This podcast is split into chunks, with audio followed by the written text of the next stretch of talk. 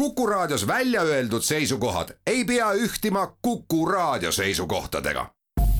Te kuulate Kuku Raadiot.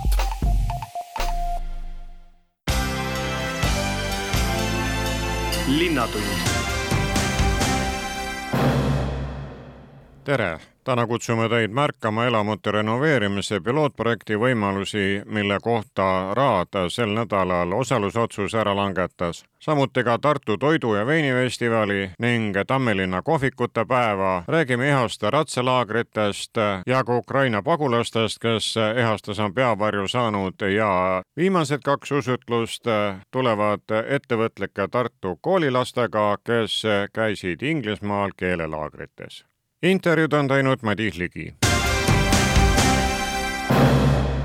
teisipäeval otsustas Tartu linnavalitsus, et tasub osaleda hoonete renoveerimiselemente katsetavas projektis. mida see endast kujutab ja mis tulu rahvale tõuseb, seda küsin juba linnavarade osakonna asejuhataja Mait Raigi käest. linnavarade osakond osaleb siis projektis Ensnare ja projekti käigus on eesmärk luua ja katsetada siis digitaalset tööriista, millega saab edasi, edaspidist lihtsustada elamute renoveerimist ligi nullenergiahooneteks. et katsetamiseks on valitud välja siis kolm pilootprojekti ala Põhja, Kesk- ja Lõuna-Euroopas, vastavalt siis Eesti, Bulgaaria, Itaalia ja Tartu linn on siis andnud selleks projektiks siis Annemõisa kaheteistkümne, mille peal siis seda projekti teostatakse see on ahikütte kellam, aga see tähendab, et see projekt ongi mõeldud just selliste majade tarbeks? jah, mõeldud oligi just väikeelamuid ja antud maja on küll hetkel ahiküttega, kuid projekti käigus tuleb ta maaküttega ja ligi nullenergia maja, kuhu tulevad siis päikesepaneelid, sundventilatsioon, vesikanalisatsioon ja kõik sinna juurde kuuluv kuidas Tartu linn selle ree peale üldse sai, kuidas valituks osutus? Meil on varasema projektikogemus siis Hispaania partneritega ja nemad kutsusid siis Tartu linna osalema, kuna me oleme eelnevatel projektidel ennast väga hea partnerina näidanud. linnavõim on nüüd oma otsuse teinud, kuidas asi edasi läheb?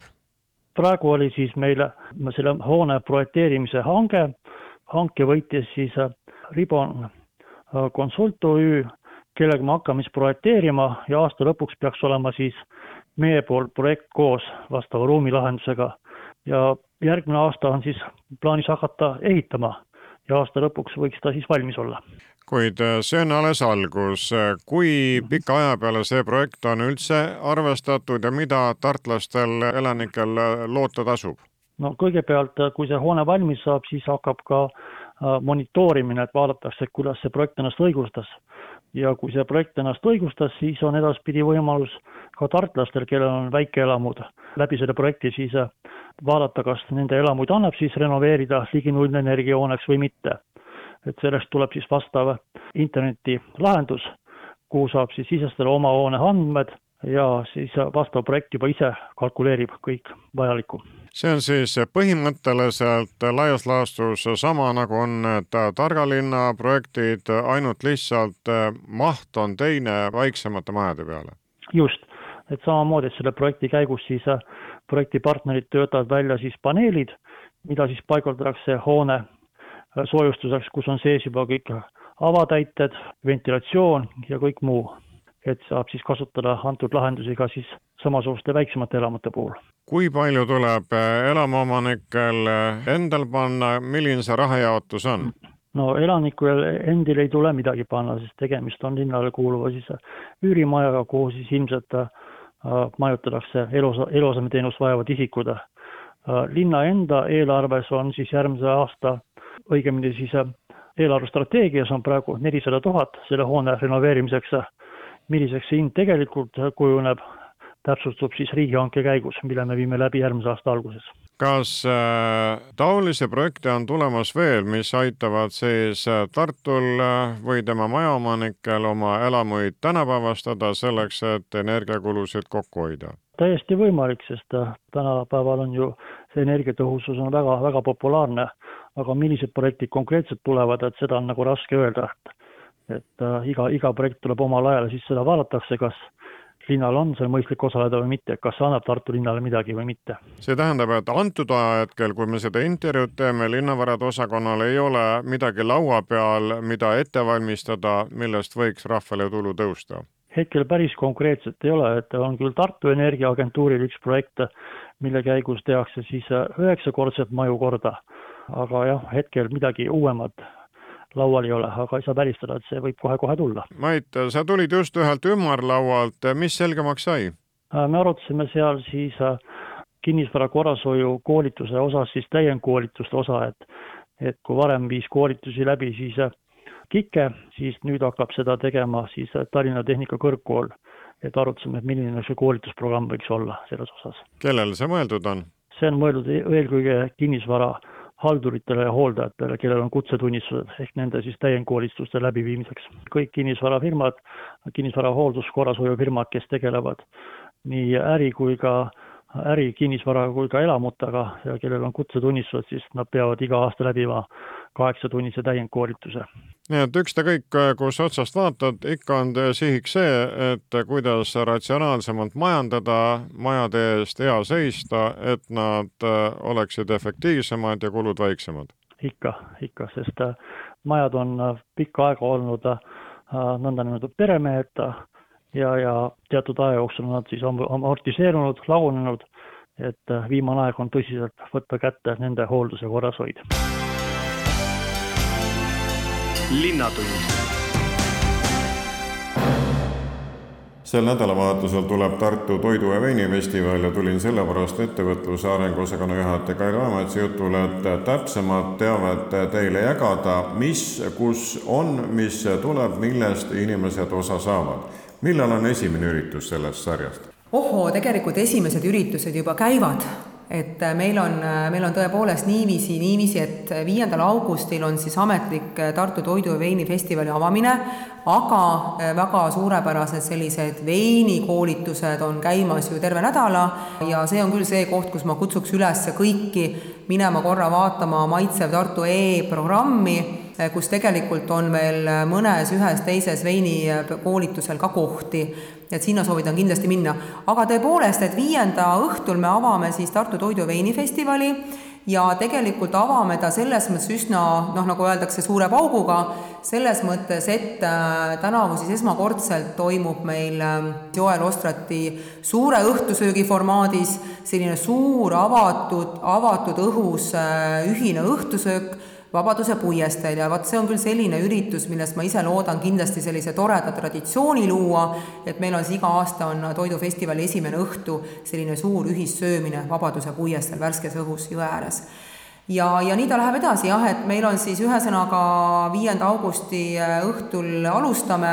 Tegelikult äh, siis selle suure õhtusöögiga, aga äh, sinna lisaks on ju kõike palju muud ka, et meil on väga selline vürtsikas ja tore kultuuriprogramm, me räägime siin bändidest ja väga toredatest tänavamuusikutest, aga eh, kõige selle kõrval on meil suurepärane valik eh, kõigil päevadel siis eh, tõeliselt head tänavatoitu ja mis on väga oluline, mis ma alati rõhutan, et iga selline üritus peab olema selles mõttes kuidagi kultuuri edasiviiv, et me lihtsalt ei lähe seda tegema selleks, et pelgalt toitu pakkuda, aga väga oluline osa siin on sellisel edasiminemisel, arenemisel, et tänavatoitu pakuvad meil ju tegelikult ka meie enda restoranid.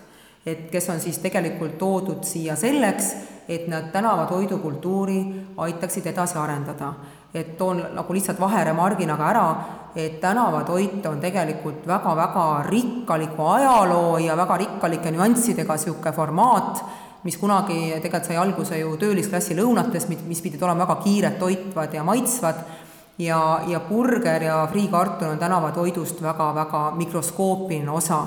tänavatoit on võib-olla väga tervislik, kiire ja üldjuhul maailmas on tegelikult tänavatoit väga hea hinnakvaliteedi suhtega vot ja seda kultuuri me oleme nüüd võtnud nõuks ja jõuks Tartus väga jõudsalt edasi arendada, nii et seetõttu äh, paneme kokku kaks asja, et ühte, ühte poolt siis äh, juba hästi töötavad tänavatoidupakkujad, kes teevadki juba täna maitsvaid asju ja olen püüdnud siin tekitada nendes pakkumises sellist mitmekesisust. Ja teiselt poolt tulevad juurde meie enda parimad restoranid, kes siis püüavad siis oma nii-öelda tavapärase sellise restorani menüü kõrval mõelda välja toredaid tänavatoidu pakkumisi, millest loodan, et mõnest neist saab ka selline juba kultuur ja traditsiooniline tänavatoit kas see reedeõhtune suur õhtusöök on lageda taeva all või telgis no,? ehk mis saab jah. siis, kui näiteks sajab?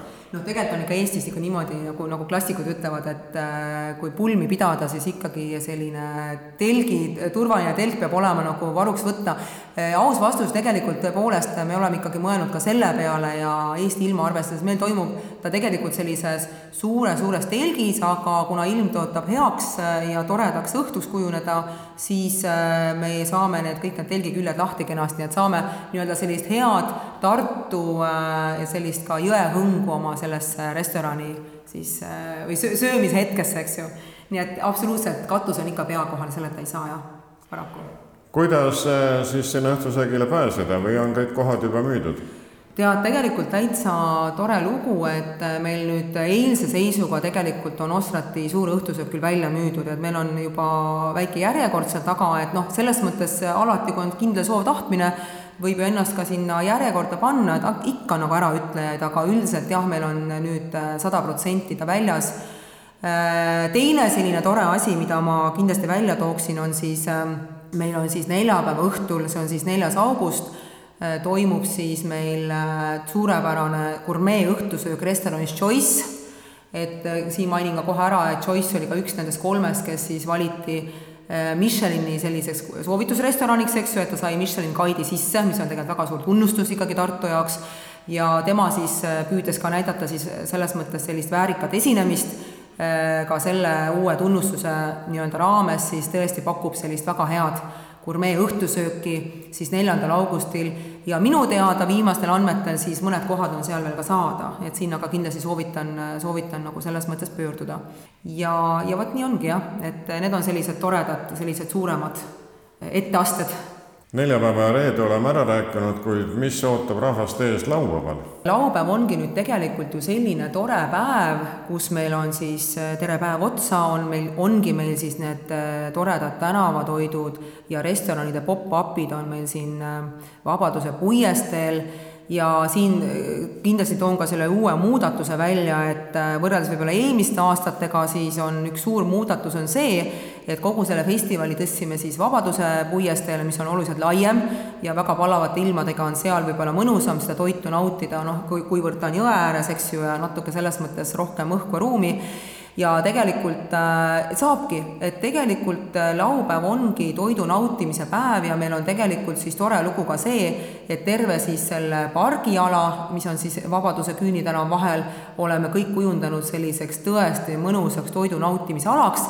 ehk et ilmselt keegi ei pea nagu, kuigi jah, tänavatoit ju ongi mingis mõttes formaat, mida on võimalik ka püstiselt süüa, aga vaata, väga oluline moment meie toidufestivali puhul ja ka erisus on ju see, et äh, meie toidufestivalil käivad vein ja toit kokku, me oleme need kaks asja väga jõuliselt äh, laulatanud sellepärast, et ei käi väga hea toit ilma veinita ja ikka rõhutan, et ka, ka vein käib alati väikse toiduga kaasas. Nii et seetõttu, et jah, tänavatoit küll, aga kui tahta nautida head veini, siis sellel aastal me oleme tõesti loonud selleks inimestele võimaluse, et te saate seda kenasti teha istudes, kas lounge'i alal või natukene võib-olla rohkem selline laua taga, et selles mõttes äh, rohkem luua sellist nautimise momenti, nii et terve park on meil tegelikult selleks äh, kaheks äh, õhtuks kujundatud kui tänavatoidu tegijatel läheb vähem ruumi, siis selleks, et äh, seda ostrat ja õhtusööki teenindada ja valmistada, kuhu tuleb köök? meil on tegelikult ju niiviisi, et äh, seesama food court, nagu me nimetame, me ütleks selle kohta ka siis toidu selline ala siis, eks ju, äh, kus hakkab ka see õhtusöök toimuma et ähm, see on seesama ala tegelikult, kus meil siis laupäeval toimuvad need nii-öelda restoranide pop-up'id, ehk et meil on kõik need võimalused loomulikult siia Vabaduse puiesteele ka loodud, selles mõttes, et et kuivõrd need restoranid niikuinii laupäeval ka peavad toitu seal tegema, siis meil on tegelikult Joel Ostrati õhtusöök toimubki ju koostöös et selles mõttes kõik needsamad restoranid, kes siis äh, meil seal toimetavad, seal food court'is, hakkavad siis panustama ka sellesse suurde õhtusööki. nii et kõik võimalused on meil siin äh, nii-öelda selleks loodud Vabaduse puiesteele. Et ikka toit oleks värske ja, ja tuleks ilusti kohe võimalikult kiiresti lauale, nagu ikka kas pühapäeval on ka veel midagi või siis on puhkus? meil on tegelikult niisugune lugu, et meil on ju traditsioon olnud, et pühapäev on Tamme linna kodukohvikute päev ja tegelikult see on üks väga-väga tore selline ettevõtmine, et Tamme linlased, toredad, armsad inimesed ju avavad oma koduväravad ja ma võin küll öelda, et tegelikult seal on uskumatult äh, vahvaid menüüsid ja sellist, ja noh, seal on veel teine moment juures, et seal on ju peresid, kes on pikalt võib-olla ka Tammelinnas elanud ja seal on kõik need lood ja asjad, nii et vot ühesõnaga seitsmendal augustil pühapäeval ma soovitan minna siis Tammelinna, kus saab maitsta väga suurepärast kodukohvikute selliseid tooteid, produkte, ja samas ka rääkida selliste igipõliste tammelinnastega, et seal on kõik need lood veel juures, et selles mõttes on ääretult tore, tore selline festivali lõpetus minu meelest Interi lõpetuseks, Kaili, vaatame nüüd ülikoolilinna toitlustusele ka veidi laiemalt ja selles plaanis, et kas koroonaaeg on ettevõtjate ridu tihendanud, kahandanud või hoopiski täiendanud, juurde toonud uusi tegijaid? Tegelikult see on täitsa uskumatu, et isegi oleme siin hinge kinni hoidnud, et, et kuidagiviisi noh, et ettevõtjad on ka hästi tublid ja mulle tundub, et Tartu omad eriti väga head majandajad, et noh, tõesti, siin on mõned üksikud võib-olla, kes koroona tõttu on pidanud uksed sulgema, aga need on juba olnud siin juba aasta tagasi, eks et väga palju pole tegelikult äh, neid halbu uudiseid meil siin olnud, noh nüüd, mis puutub sellesse uude hooaega, suvve, siis see on küll nüüd olnud Tartule väga hea, et nagu me ise näeme, et rahvast ju liigub linnas üsna palju, eriti nädalavahetuseti, nii et selles mõttes jah, kiire kokkuvõte on see, et äh, kuidagi on nad ikkagi tublid ettevõtjad suutnud püsima jääda ja tänane suvi on praeguseni vähemasti, on neid soosinud küll, ka turistid liiguvad Tartus üsna hästi et nüüd hoiame natukene siin pöialt, et, et sügis ka siin selles mõttes tuleks ikka natukene äh, pehmem maandumine selles mõttes, et ilmselt on, on ju teada juba, et äh, mõningal määral seda nakatumist tuleb sügisel rohkem, aga eks siis vaatame tib, tiba tasapisi, ettevõtjad juba ka teavad, milleks valmistuda, et see erinevus on võib-olla nüüd eelmiste aastatega. linnatund linnatund läheb edasi Ihast ratsaspordikeskusest ning olen direktor Vivika Danieli jutul, sellepärast et teil laagrid käivad, suur reklaam kuulutab ka siin tee ääres, et tulge aga ratsutama. kui palju sellist kutset ka kuulda võetakse suverahus?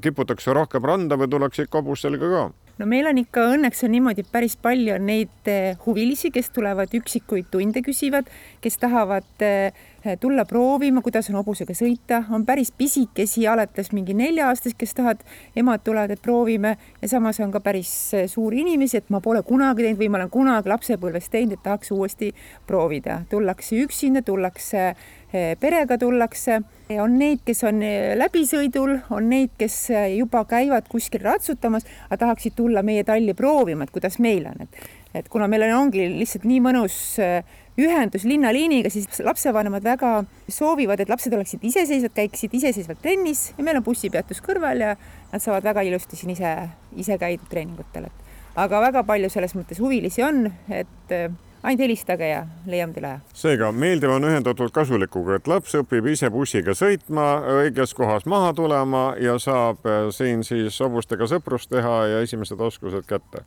täpselt esimesed oskused saavad kätte, siis nad leiavad palju sõprusid ja nad, ütleme, nad leiavad sellise eh, saavad külge sellise ägeda haiguse nagu ratsutamine. Sellepärast et see on suhteliselt nakkavad, kui sa leiad endale sõbrad, kellega käia, siis on need hobused on sellised eh, suured sõbrad nende jaoks.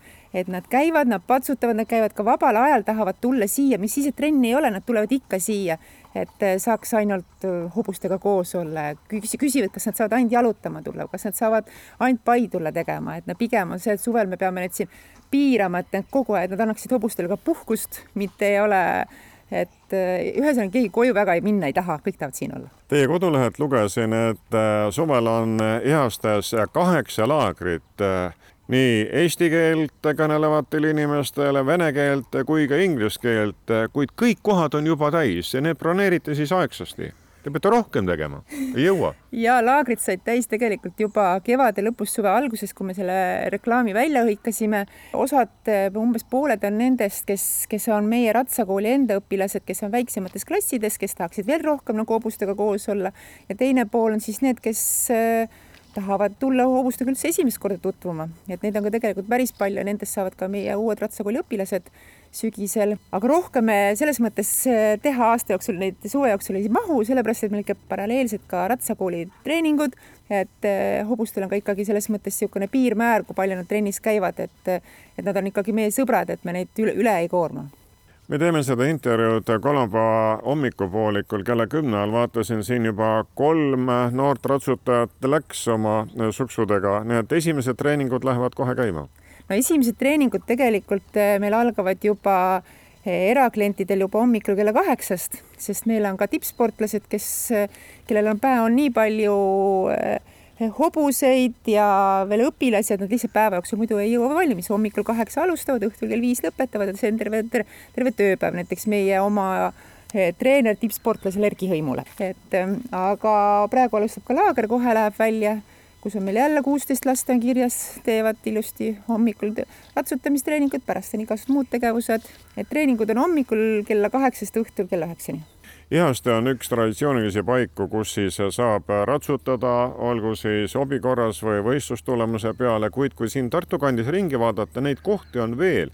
Ning tundub, et aasta-aastalt ratsutamine kui selline on populaarne ja nüüd, kus olid iluti avatud talude päevad, sõitsin juhuslikult mööda Saksa ratsatalust rahvast murdu no teie avatud talude päeva nii-öelda alla ei kuulu, kuid teil see linna lähedus ja see mõjutab ikkagi väga märgatavalt äh, teie kontingenti. jah, see aasta me ei teinud avatud talude päeva, sest oli umbes vast neli-viis aastat tagasi, kui meil oli siin, siis oli meil ka nii, et meil oli tee ääred kõik rahvast täis seal, aga kuna kuna meil lihtsalt eh, ei, ei ole nii palju ressursse, ajalist ressurssi, et meil on võistlusi vaja korraldada palju, et siis me jätsime selle tegemata see aasta, aga meil on laupäeval ihaste päevad siinsamas Ihaste ratsakeskuses, kus kella üheteistkümnest kuni õhtul kella seitsmeni on siin tegevust, kus kaasa arvatud Ihaste ratsakooli õpilastel on väike treeningvõistlus demonstra-, demonstratsiooniks kõikidele, saab infot ratsakooli kohta, aga tundub, et ratsa, ratsutamine on laste seas niisugune väga populaarne jah, ta on küll kallis spordiala võrreldes näiteks mingisuguse jalgpallitrenniga, aga ta pakub ka kindlasti lastele, kellele vähegi hobused meeldivad, niisugust emotsionaalset positiivset elamust. See side, mis luuakse lapsest peale, see jääb terveks eluks.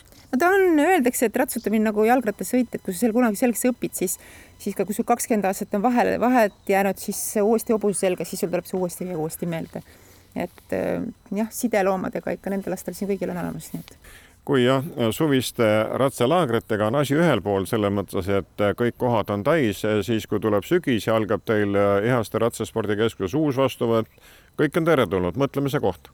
ja kõik on teretulnud alates siis nüüd viieteistkümnendast augustist, kui selguvad umbes meie tunniplaanid võiksid selguda.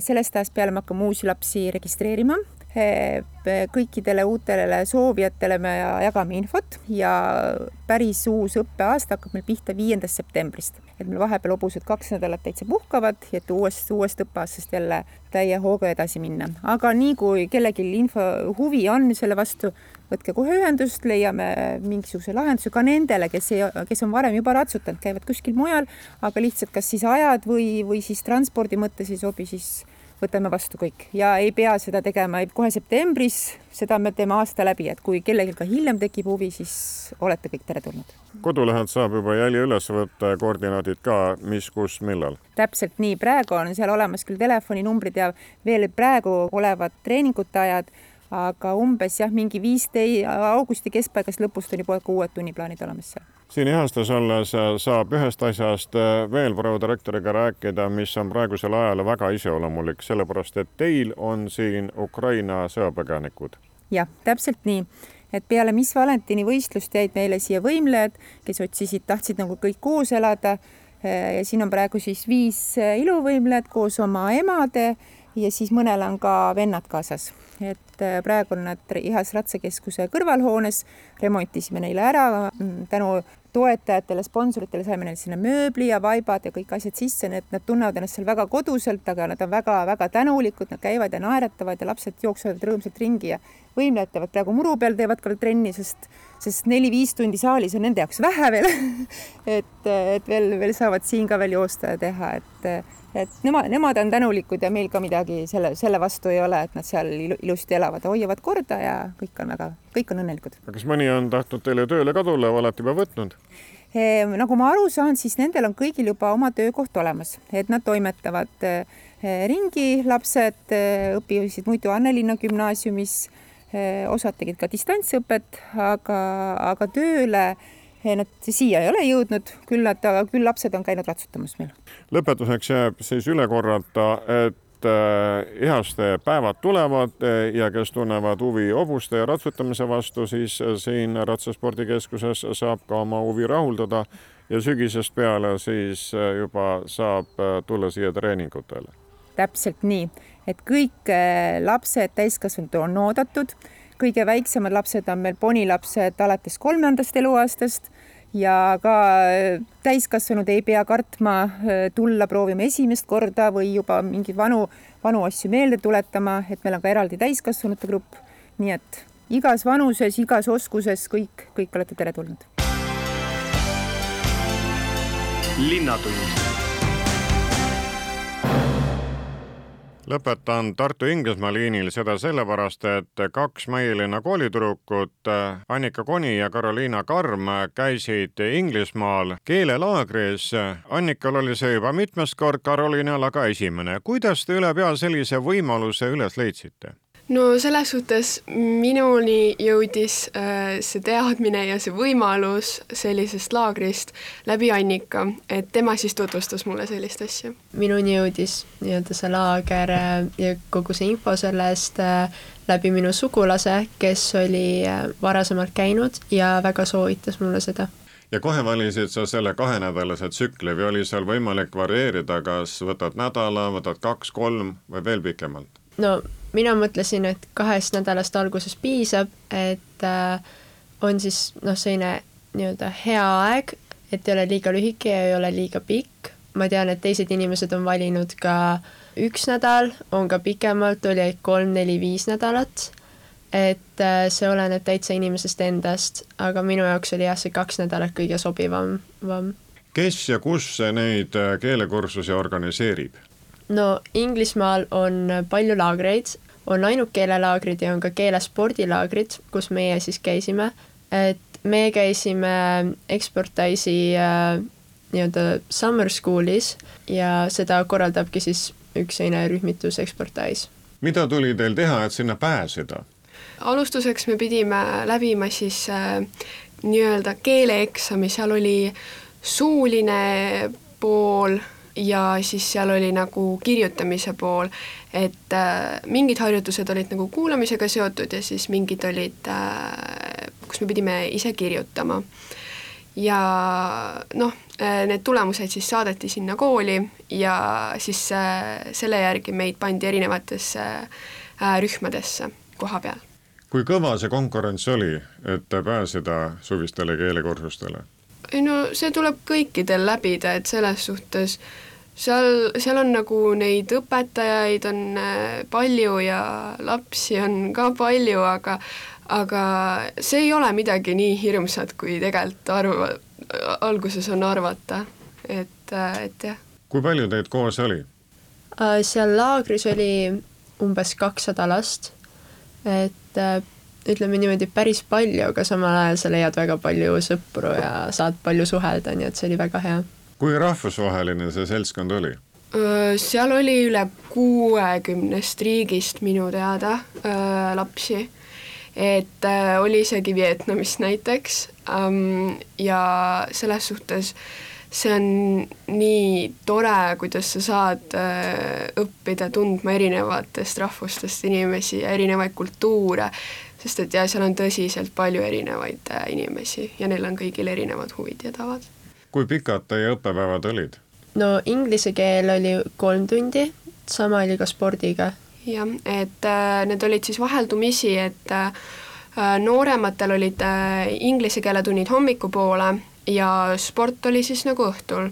ja vanematel olid siis äh, tunnid õhtul ja sport oli hommikul ja seal oli siis äh, väga palju erinevaid spordialasid, mida sa said, mille, mille vahel sa said valida. millega teie seal tegelesite? Äh, mina tegelesin golfi, no ja inglise keelega. ja mina tegelesin ähm, algselt tantsimise, seejärel tennise ja noh, inglise keelega. seega nii vaimne kui füüsiline pingutus. ja, ja. pluss siis see seltskondlik osa, nagu te rõhutasite mm. -hmm. kui kallis selline õppimine on ja kes siis kulud katab? no kulud katab ikka lapsevanem, et aga ei, selline, see programm ei ole tõesti nagu odav ja jah. kui tudengitel on võimalus taotleda kusagilt noh, stippi, siis teil on ema-isa nimeline stipendium vaja letti lüüa. pigem küll jah, et ma arvan, et on ka viise, kuidas sa saad proovida taodelda sellist äh, nii-öelda stipendiumit, aga siis peab äh, eraldi pöörduma selle eksportaisi poole äh, või siis muu keelelaagri poole, oleneb siis kohast, kuhu sa lähed. Ilmselt teised nii-öelda ainult keelelaagrid pakuvad seda nii-öelda stipendiumi poolt ka. Annika, sina enne ütlesid, et sa oled juba mitmendat korda käinud ja nüüd oled kahe nädala kaupa olnud, Karoliina oli siis esimest korda ja nädal. kas see tähendab seda, et sul on sihiks minna Inglismaale õppima, kui kõrgkooliaeg kätte jõuab või mõnda teise riiki, kus inglise keel on õppekeeleks? Ja hetkel ma olen nii-öelda hakanud üha rohkem ja rohkem selle peale mõtlema, et äh, mul on plaan minna tulevikus võib-olla Inglismaale ülikooli, aga alguses nii-öelda esimestel kordadel oli minu siht ikkagi see, et ma saaksin lihtsalt kindlamaks äh, äh, inglise keeles, et ma oskaksin paremini ja paremini rääkida ja ma arvan, et mul on see enesekindlus tekkinud. aga jah, see nii-öelda ülikooli ja see õppima minek on mul hetkel küll siht. Karoliina, kuidas sinuga on?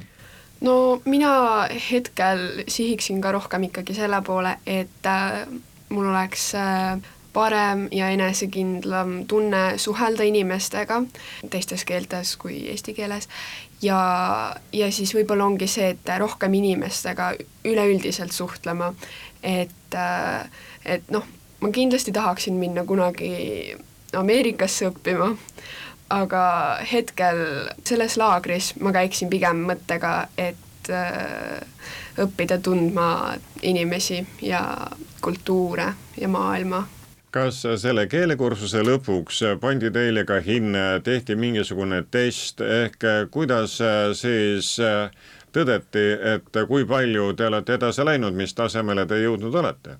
ja põhimõtteliselt laagri lõpus sa said teha Cambridge'i äh, nii-öelda eksamit, mis noh, nii-öelda näitas, mis tasemel sa oled, aga noh, see oli vabatahtlik, muidu nad andsid sulle ka nii-öelda sellise kviitungi või noh, äh, paberi, et kus nad näitasid, äh, mis tasemel su inglise keel oli.